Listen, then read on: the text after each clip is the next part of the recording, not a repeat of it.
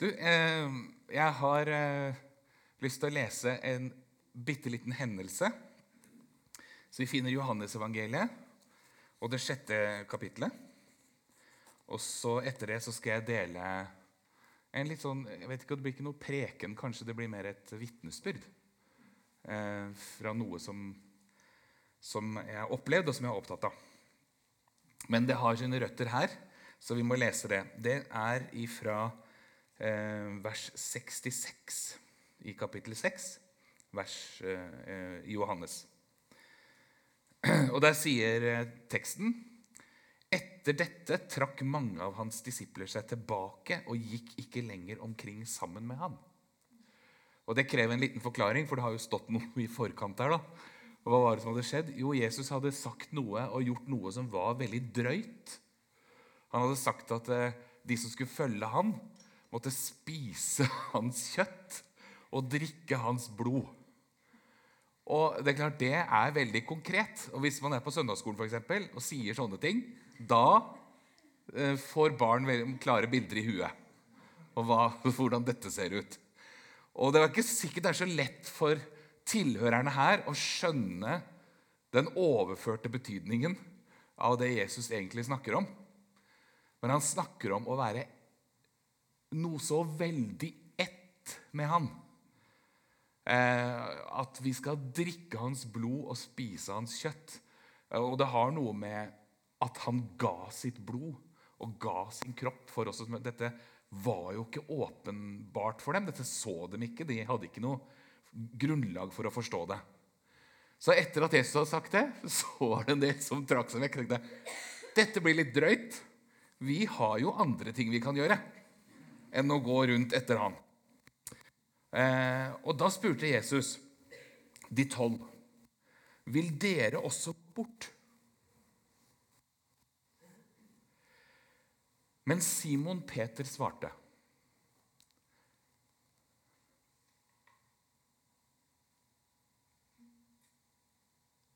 Herre, hvem skal vi gå til? Du har det evige livets ord. Så med de tolv hadde det skjedd noe mer enn med den store hopen da, som var veldig opptatt av det Jesus gjorde og sa, og var nysgjerrig og, og, og, og kanskje full av behov også. Altså, 'Jeg trenger å bli frisk, og jeg trenger det', og jeg trenger Så fulgte folk med. Noen bare for å se på, og noen fordi de virkelig hadde behov. Mens de tolv hadde kommet så nærme Jesus allerede at de var kommet inn i et avhengighetsforhold. Så Jesus sa jo ikke Jeg skal ikke si sånt noe mer. Slapp av, gutter. Hvis dere følger meg nå, så kommer det ikke noe mer sånt. Men det gjorde det jo. Så Han garanterte ingenting for dem at nå kom det til å bli annerledes. ikke sant? Og så ga han de frihet til å gå. Hva med dere? Vil dere også gå? Ja, det kan dere. Dere kan gå. Jeg kommer ikke til å forandre meg. kan være Jesus eh, sa mellom linjene her. Eh, men disiplene var kommet til det punktet at de ikke hadde noe alternativ. De hadde jo det, de kunne, og det gjorde de jo seinere. Peter for eksempel, gikk jo tilbake og sa 'Jeg tror jeg går og fisker'. Eh, for nå, nå er det over. Nå har jeg mista trua. Nå er, nå er, det ikke noe mer. sånn. Så de kom, det kom perioder hvor de også gikk og, og, og løp vekk. Men på det tidspunktet her så viser også disiplene den avhengighetsforholdet de var kommet inn i. Og For et par år siden, eller noen flere år siden så opplevde jeg eh, noe som er helt naturlig fra Guds side. For her ser du Jesus som ønsker å komme nærme disiplene sine, og han ønsker å komme nærme menneskene. Og Det var ikke noe nytt. I Det gamle testamentet så står det om at Gud sier jeg vil, jeg vil reise en bolig og bo hos menneskene. Jeg skal være deres Gud, de skal være mitt folk. Jeg vil bo der. Moses opplevde det når Gud kalte ham til tjeneste, at han sa Moses, det fins et sted her tett ved siden av meg. Du kan ikke se ansiktet mitt, Moses, for da kommer du til å dø. Så det skal vi spare deg for. Men du kan se meg bakfra. Så nærme kan vi komme. Så stå her, det fins et sted her tett ved siden av meg. Så vi ser Det er en Gud som har skapt, men han har ikke skapt og trukket seg tilbake, som mange kan oppleve at Gud har gjort. Oppleve at Gud er fjern. Men så var det da en periode hvor jeg opplevde at Gud sa Viggo, du må komme nærme meg. Du må komme nærme meg. Og det var, øh, Hvordan sier Gud ting? Jo, gjennom Bibelen. Når jeg da leste der, så, så, var det ting som spratt ut av teksten, som var i den retningen. Eller noen hadde noen sånne nådegaver som jeg skulle ønske det var mange mange flere som hadde mye avslappa forhold til. Jeg husker Mora mi kalte det der med nådegavene for at de på plattforma hadde liksom alt. Eh, mens den der mene hop var liksom mer sånn, jeg vet ikke, tilskuer. Det var en og annen som kunne sprette opp og be, eksempel, eller ta i tunger eller noe. Men det var stort sett de på plattforma som hadde det. Men det er så godt å vite at det er noen som har noen nådegaver. Bl.a. noen profetiske nådegaver.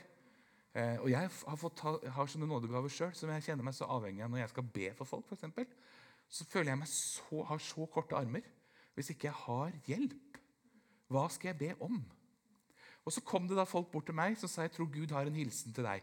Og at Gud vil, han vil komme nærme deg. Og Hvis jeg satt og hørte forkynnelse, så var det det som stakk seg ut.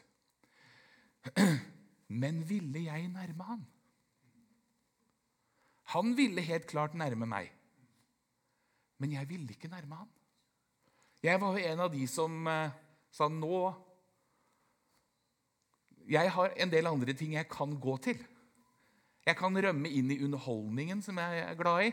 Scrolle rundt på PC-en og rømme inn i den. Jeg kan rømme inn i mat, som jeg er veldig glad i. For intimitet vil jeg ha.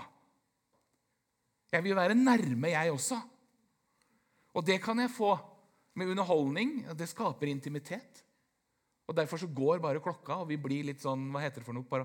Vi blir litt sånn eh, eh når vi kommer opp en skjerm og det skjer noe der, så blir vi sånn paralysert. Det heter ikke det. Hypnotisert blir det. Fordi vi får en sånn stimulans. Eh, og vi kan søke nærhet på veldig mange måter. Men hvorfor vil jeg ikke nærme Gud? Også jeg, som har vokst opp i et kristent hjem, hatt gode kristne foreldre, hatt en flott menighet jeg fikk vokse opp i, og har hatt eh, søsken som også tror. Og jeg ville jo forkynne om Gud. Jeg elska det jo fra jeg var lite barn. Jeg sto nede i porten fortalte mamma, da jeg var fem år, og hang over porten, for jeg fikk ikke lov til å gå til hagen. Og så trakk jeg de damene som var på vei til butikken, inn til porten for å spørre dem om de kjente Gud. Og det var jo ikke noe mora mi hadde bedt meg om å gjøre. Kanskje tvert imot. Eh, en femåring gjør jo sånn spontant. Så jeg, jeg ville dele. Jeg ville snakke til andre om det, men å komme nærme sjøl. Hvorfor ville jeg ikke det? Det var noe med gudsbildet mitt. Og som Jeg sa, jeg vokste opp i en god menighet. Hørte veldig mye at Gud elsker meg. Det fikk vi høre støtt, og vi sang jo det. At Jesus elsker alle barna. Og jeg står midt i Guds kjærlighet og alle disse sangene. Men så var det noe mellom linjene i min oppvekst som at ja, klart Gud elsker deg, men det er ikke sikkert han liker deg. Og Det vokste opp en sånn tvil på at Gud liker meg, for det var stadig noe som var gærent. Og, etter, og Det var ytre ting gjerne når jeg vokste opp. da, var Altfor kort hår eller langt hår, eller altfor korte skjørt eller lange skjørt, eller øredobber ikke, Sånne ting. Så det var ytre ting. Men så skjønte jeg jo etter hvert som jeg ble eldre, at det handla jo ikke om ytre ting. Men det var nok av indre ting, om ikke mer, i mitt eget liv, som jeg var sikker på at Gud ikke likte. Helt sikker på. Og da går det jo på at, at Gud ikke liker meg. Han elsker meg, ja, det er han jo forplikta til. Han er jo Gud. Så det blir sånn han elsker meg på tross av på tross av Viggo Klausen. Og det kan jeg identifisere meg så med. For jeg og, øh, elsker jo Viggo Klausen. Hvis ikke så er det jo ikke så greit å leve. Men jeg liker den ikke. Veldig ofte. Jeg står foran speilet og tenker 'Å nei, der er han der Viggo Klausen igjen'. Jeg er så lei av han. Og det jeg tenkte, var jo at Gud hadde en, en agenda med å få meg nærme seg. han skulle stramme meg opp. Han skulle stramme opp. Jeg var sikker på det. Og jeg vet ikke, Du har ikke veldig lyst til å gå til folk som har lyst som skal stramme deg opp. Du trekkes ikke mot de folka som, som skal rette på deg og, og, og fortelle deg liksom noe du må gjøre bedre. Men han ga seg ikke på det. Du må komme, du må komme, du må komme. Det kom her, og det kom der. Og jeg har lært meg til at Guds stemme i tankene den har jeg valgt å tro er Guds stemme. I løpet av 50 år som jeg har levd, som en kristen også, så, så vet jeg litt hvordan det er når Gud snakker. Det er litt sånn som når jeg snakka med mora mi på telefon, så visste jeg etter et sekund at det var henne. Jeg kjente igjen stemmen. Nå hører jeg ikke Guds stemme i øret, men jeg har jo andre apparater. da. Jeg har jo et følelsesliv, jeg har tankene mine. jeg har... Så jeg har lært å kjenne hva, hva det er når Gud snakker. Det kan være noen ganger jeg er i tvil om det er Gud eller meg, men når Gud snakker, da er jeg ikke i tvil. Og så begynte jeg å svare Gud. Ja, men hvordan skal jeg komme, da? Jeg vet jo ikke hvordan, hvordan skal jeg komme til deg. Skal jeg lese mer i Bibelen? Jeg er veldig glad i Bibelen. Jeg elsker disse historiene. Jeg har hørt dem fra jeg var liten. Men jeg er ikke så glad i at det er en bok. For jeg liker ikke bøker. Så historiene er litt utilgjengelige for meg. Fordi at jeg ikke liker å lese. Og klart, det er En kristen predikant så reiser du sånn Skal selvfølgelig lese Bibelen. Jeg leser jo altfor lite i Bibelen. Har ikke noe rutine på det. Og, og, har skam rundt det. Skammer meg for det. Skal jeg lese mer i Bibelen, er det den måten jeg skal komme nærme på? Eller skal jeg be mer? Enda en sånn en. Altså, Jeg er ikke noe bønnekjempe, det må jeg bare si. Jeg har så liten bønnetålmodighet. Og iallfall hvis jeg skal be aleine. Da kjenner jeg at jeg er kjempe, da kommer tankene på glid på veldig mange andre ting. Når en skal sitte der og be. Så det var veldig vanskelig. Hvordan skal jeg komme? Og det var akkurat som Gud sa til meg. Viggo, du behøver ikke å ha med noe til bordet. Altså, jeg kan dekke bordet. Jeg har nok og greier å komme med. Bare du, kan, kan du ikke bare møte opp? Møte opp, i hvert fall. Ja, men Hvordan skal jeg gjøre det, da? Hvordan skal jeg møte opp? Jeg vet ikke, Det kan godt hende Gud reiv seg i håret av fortvilelse over Eller så så han at det fantes en vei her. For akkurat mens denne prosessen pågikk, så pågikk det en annen prosess som jeg også tror var gudfeldig i mitt liv. Det var det at jeg hadde bestemt meg for at jeg måtte hente helsa mi tilbake, for jeg var blitt så innmari tung. Så og Det er jo sånn med oss mannfolk at vi må ha noen sånne svære greier hvis vi skal bli inspirert. Det liksom nytta ikke med noen sånne små eh, ting. Så jeg hadde fått en idé om at jeg ville gå Norge på langs. Det, og Den hadde jeg hatt i flere år og merka at der var det inspirasjon. Jeg hadde ikke inspirasjon til å gjøre noen ting med denne kroppen.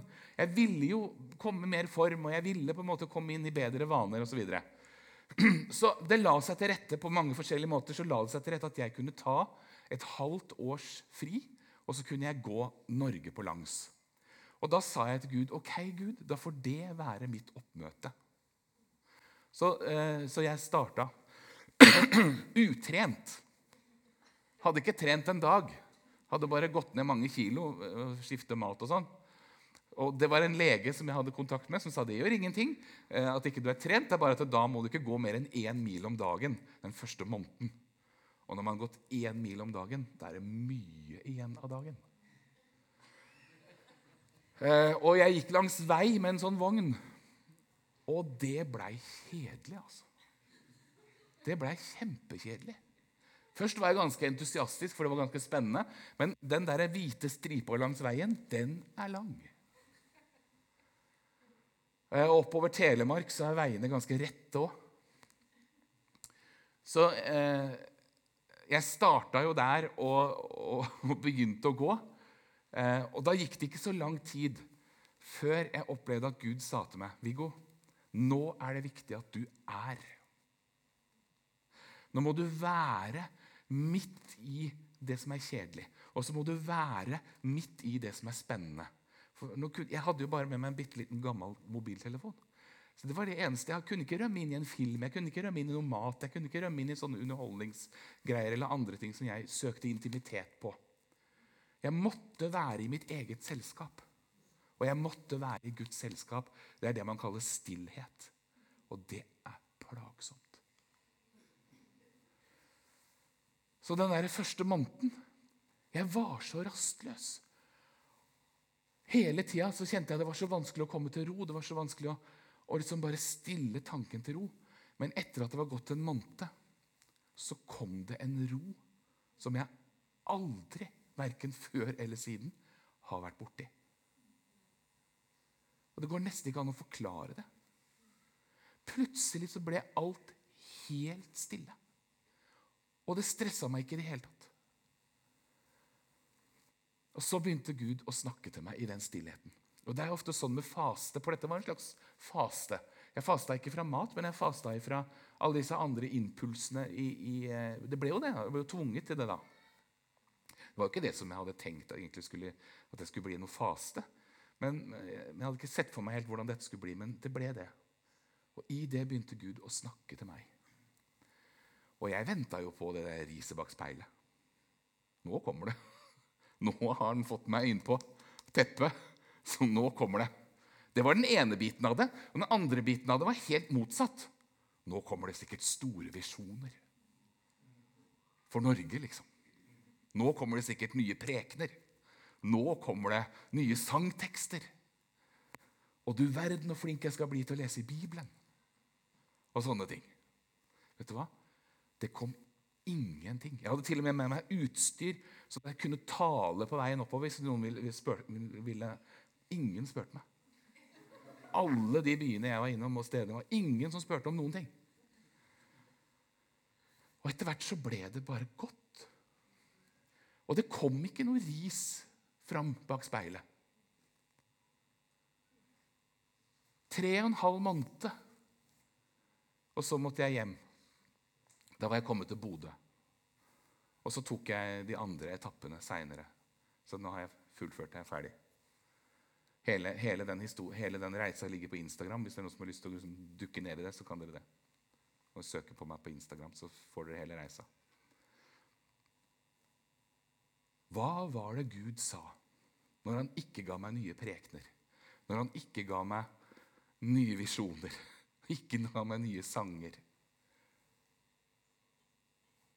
Hva var det han sa i tre og en halv måned? Som sto på hans agenda. Han sa, 'Viggo, kan ikke jeg bare få være pappaen din?' Kan ikke jeg bare få være nærme deg?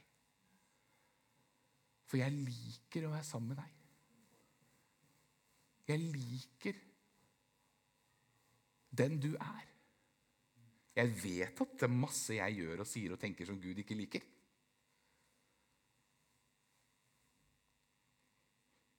Og Det var en periode også som Jesus sa Viggo, vi kan ikke fortsette sånn som dette. her, For hver gang vi kommer sammen, det eneste du får brukt tida til, det er å be om tilgivelse. Tilgi meg for det og tilgi meg for det. og tilgi meg for Det Det er liksom å si, Ja, jeg har tilgitt deg. Kan vi komme videre? For den der skammen den kom opp hver gang vi kom nærme hverandre. så kom den skammen. Og da var første reaksjonen min reak sånn refleksreaksjon og bare, Nå kommer jeg nærme Gud. og Tilgi meg, tilgi meg, tilgi meg. Rens meg, rens meg, rens meg. Og det har jeg all god grunn til å be om. Skulle bare visst. Det er derfor jeg er litt sliten av å se det speilbildet noen ganger. Men så sier Gud, vi kommer ikke videre hvis du holder på sånn. Og så sier han til meg, 'Jeg trenger å være sammen med deg, Viggo'. Der går grensa. Du trenger ingenting. Du er Gud. Og du trenger i hvert fall ikke meg. Og det var akkurat som Gud sa tilbake. Åssen far er du, da? Vil du for det første at når ungene dine, For nå har jo ungene mine flytta, og det er jo flere år siden, og når de kommer hjem, så er det jo høytid. Om det så er bare hverdag. Vil du at de skal ha med seg alt som skal stå på bordet? Vil du at de skal stå for alt som skal skje? Eh, og oppføre seg pent? og alt det? Er, det, er det sånn far du er? Nei, jeg vil jo bare ha dem hjem. Jeg vil jo bare være sammen med dem. Jeg vil jo bare, for jeg trenger det. Jeg trenger det som pappa å være sammen med barna mine. Jeg trenger noen ganger å ringe på FaceTime og se dem. Det er så sterkt behov hos meg. Og så sier Gud, ja, se om ikke jeg er på samme måte. For jeg elsker deg, Viggo, og jeg liker deg. Og jeg trenger deg.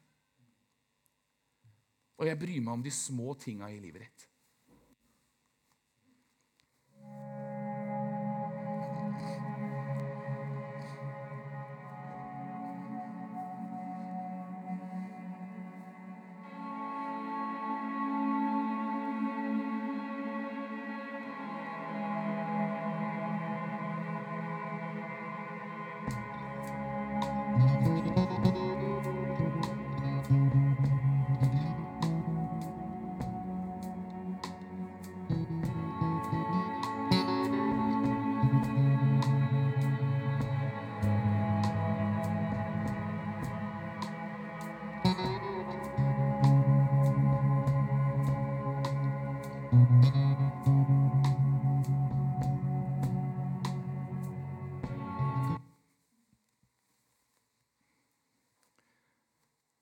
Gått en stund,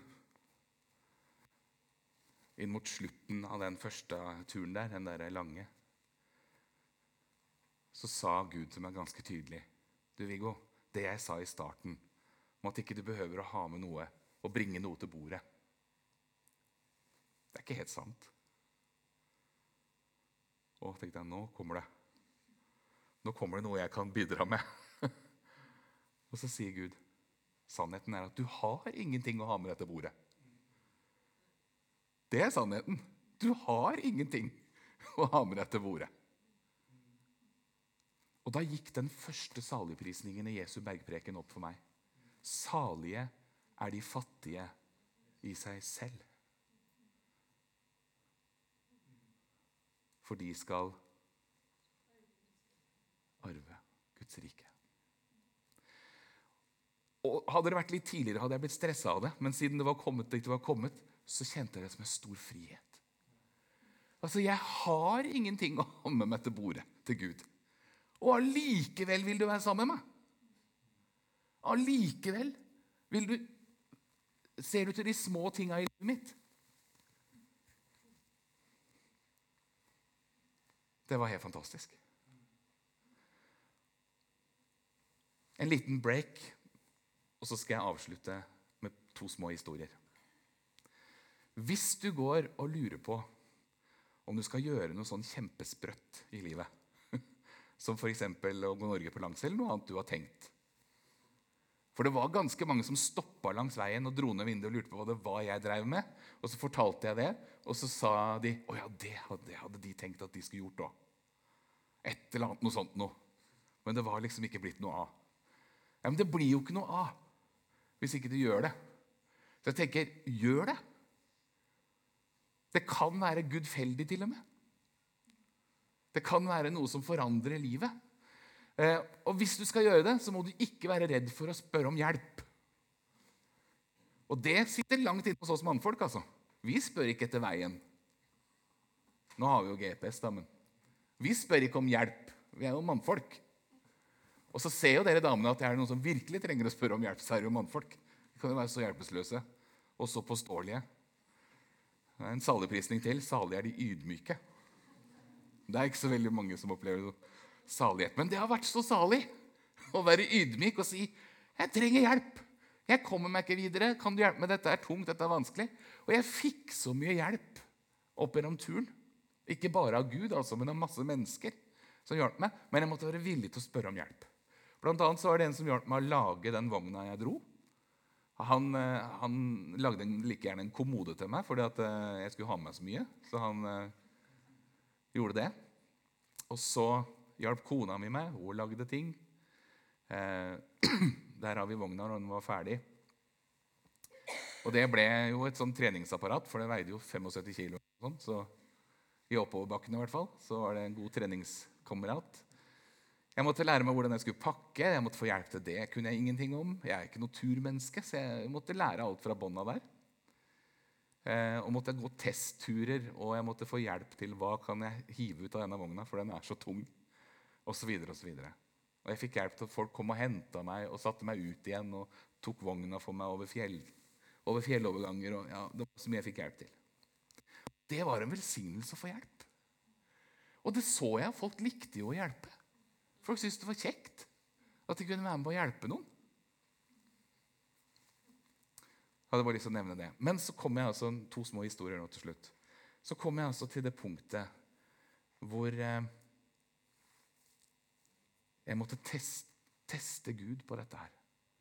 Altså Hvis du er pappaen min, så bryr du deg altså om de små tingene i livet. Og jeg syns det har vært vanskelig å be til Gud om små ting. Det kan være store ting for meg, men i det store og det hele så oppleves det som små ting. Altså Det er krig i verden. Det er uh, trussel om krig, i hvert fall. Folk som lever i fattigdom, folk som lever i problemer. Store problemer. Mens jeg har det kjempebra. Jeg har alt jeg trenger. Så det å i det hele tatt tro at Gud ser i min retning, har vært vanskelig. Og så var jeg kjempesliten. da. Hadde gått tre mil på disse veldig rette veiene. Og så var det bare skau. Så fant jeg ikke noe sted å sette opp teltet mitt. Og så var det til slutt så tre og en halv mil eller noe som hadde gått, så var det en sånn liten gjørmete lomme langs veien. Så satte jeg meg ned på en stein der. Så tenkte jeg jeg får slå opp teltet mitt her. Men jeg får teste. Jeg får teste pappa. Jeg får teste pappa. Og da sier jeg til Gud OK, Gud. Hvis du er pappa og bryr deg om de små tinga i livet mitt, er det her jeg skal sove i natt? Og med en gang så kom den stille stemmen her inne som sa ja, det kan du jo. Det er bare å slå opp teltet her og sove her i natt. Men hvis du spenner på deg vogna og går én kilometer til, den lange, lange rette veien rett fram der I svingen der oppe, der er det en mye finere plass. Ok? Så da reiste jeg meg opp og tok på meg vogna, og så gikk jeg den kilometeren. Og når jeg kom rundt svingen, så åpna det seg her, her er veien, og så åpna det seg en sånn liten eng her. Så jeg kunne trekke meg vekk fra trafikken. Det var en bekk som rant borti her, så jeg kunne sette vannkanna mi til kjøling. Og når jeg hadde satt opp teltet når jeg hadde, eh, der og satt utafor der og hørte på Barbara Strayson og spiste real turmat, så gråt jeg. For jeg, så, jeg kjente meg så sett. Altså, jeg, jeg, sa til Gud du, du behøvde jo ikke gjøre dette her. Du trengte jo ikke gjøre dette her. Men så gjorde du det. Bare for meg. Bare for lille meg. Helt ubetydelige lille meg, som går og surrer her langs veien. Og så opplevde jeg ikke det bare én gang, jeg opplevde det flere ganger. Plutselig så fikk jeg sånne fine ting som at jeg kunne grille med noe mat, og jeg kunne sitte der og se på nydelig natur og sove godt litt vekk fra trafikken. Men er ikke dette veldig egoistisk? Er ikke dette veldig selvsentrert? Er ikke dette veldig Jeg tenker alt jeg gjør, og alt jeg er for andre mennesker, springer ut ifra den nære relasjonen med pappa. Og det det, Jeg tror det er derfor Gud også kalte meg inn. Fordi han så at jeg også trengte å komme nærme han. Når jeg kom hjem, så ble jeg intervjua av en eh, journalist som spurte meg eh, kom du nærmere Gud. Og så var det rett før jeg svarte ja. Men så tok jeg meg i det, og så sa jeg nei. Men han kom for en gangs skyld litt nærmere meg. Det er ikke jeg som vil nærme Gud. Det er ikke jeg som har elsket han først. Jeg elsker han fordi han elska meg først. Det var han som tok initiativet. Det var han som sa 'jeg vil være sammen med deg'. Det er han som sa 'jeg elsker deg', 'jeg liker deg', 'jeg trenger deg'. Vi må være sammen. Og Viggo, jeg tror du trenger meg òg. Jeg tror du trenger denne pappaen. For pappaer og mammaer i livene våre de har veldig mye å gi opp igjennom. Det har jeg opplevd. Det er meg og min mamma og pappa. Og de har mye å gi i mange, mange, mange år. Men så har de plutselig ikke noe å gi lenger. Og jeg våkna en morgen ikke lenge før mamma og pappa døde. Og så kjente jeg på den frustrasjonen og at jeg ikke fikk noe av mamma og pappa. De spurte ikke hvordan går det med meg. De var ikke interessert i mitt liv. Det var bare deres liv, deres lille, lille verden. Med problemer og vanskeligheter. Og så var det akkurat som Gud sa til meg når jeg sto opp den morgenen. Viggo, du kan ikke få noe mer av mammaen og pappaen din nå. Du kan aldri få noe mer av de nå. Det er over. Men av meg kan du få. Hos meg kan du være lille Viggo. Jeg blir aldri dement. Jeg blir aldri sjuk. Jeg blir aldri gammel. Du kan alltid være hos meg. Og i salmen så står det Jeg blir alltid hos deg, for du har grepet min hånd. Så nærme er pappa. Så nærme vil han være. Han vil være så nærme deg òg. Og du har ingenting å frykte.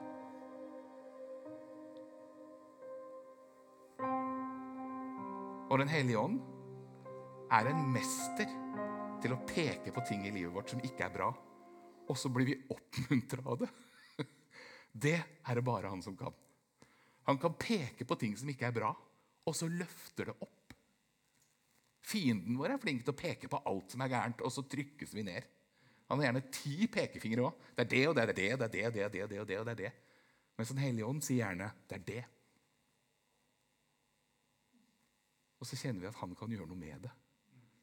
Han er interessert i å være nærme meg og gjøre noe med det. Og seinere sier han 'og så er det det'. Og så kan hende går en stund til, og så er det det. Men han elsker, og han liker hele veien. Han er din og min far. 1. Johannes 4,16. Vi har lært å kjenne den kjærligheten Gud tar til oss. Har vi det? Vi lærer det hvis vi kommer nærme. Og så neste og vi har trodd på den. Det er ikke bare dansebanda som synger 'Våga tro på kjærligheten'. Det handler om å tro på den kjærligheten. Og ha tillit til at det er sant. At du er elska. Du er likt. Og det er utgangspunkt for alt det andre vi foretar oss.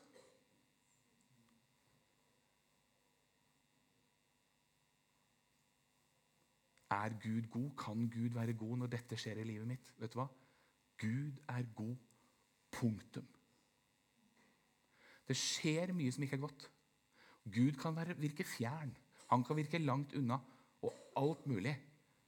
Men vi må våge å tro på at han er god.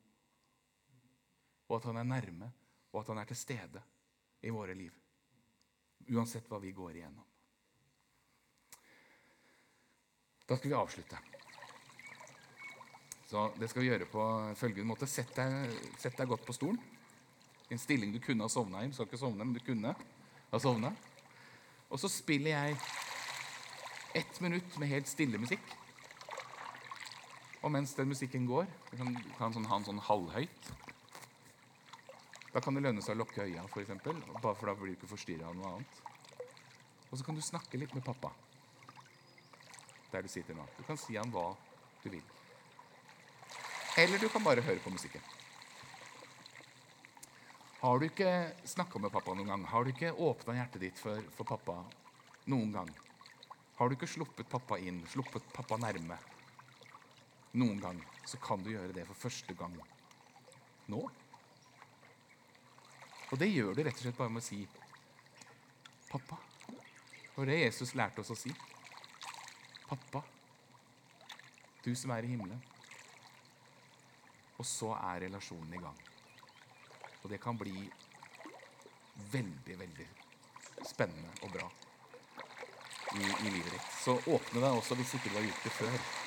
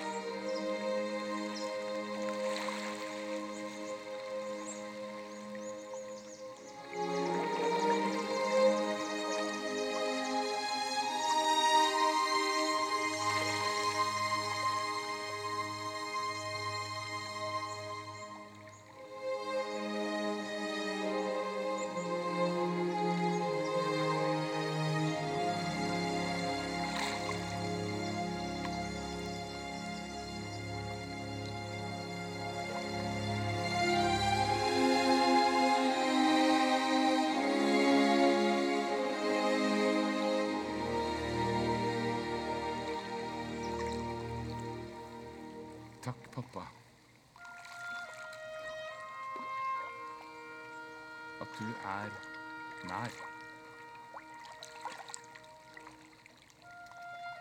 Om jeg er rett, eller om jeg er skeiv, eller om jeg er hel, eller om jeg er halv. Eller bare kjenner meg som ingenting. Så er du nær, og vil være nær. Takk at ikke du skammer deg over meg. Takk at ikke du trekker deg unna, griner på nesa.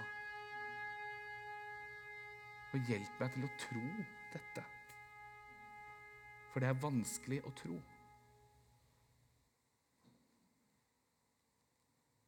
Du har det evige livets ord. Hvem skulle vi gå til? Hva skulle vi gå til? Hva skulle vi funnet på som var bedre enn å komme til deg? Vi har skjønt at vi er avhengig. Og det er en god avhengighet. Takk for at du, Nå kan jeg løfte hele den gjengen som sitter her, opp på ditt fang. Og det gjør jeg nå. Setter dem på ditt fang. Og inkludert barna nede, og lederne der, og foreldre. Og så ber jeg om at du skal slå dine sterke armer rundt oss, så vi kjenner det. Og at vi kan sitte på det fanget utover dagen, utover kvelden, inn i natta, inn i uka. Og vite at du er, du er så nær som å sitte på fanget. Hjelp oss, Herre, til å ut ifra det bety noe for andre. Ut ifra det utvikle forholdet til deg. Takk, Jesus, at du kom hit ned for å virkelig vise oss hvor nærme du vil være. Takk at vi kan spise din kropp og drikke ditt blod. Vi vet nå hva det betyr. At du døde for oss så ikke vi behøver å skamme oss. Men vi kan rette ryggen, møte blikket, åpne øynene inn i ditt ansikt. Og så vil ditt ansikt lyse over oss og gi oss fred. Takk for det.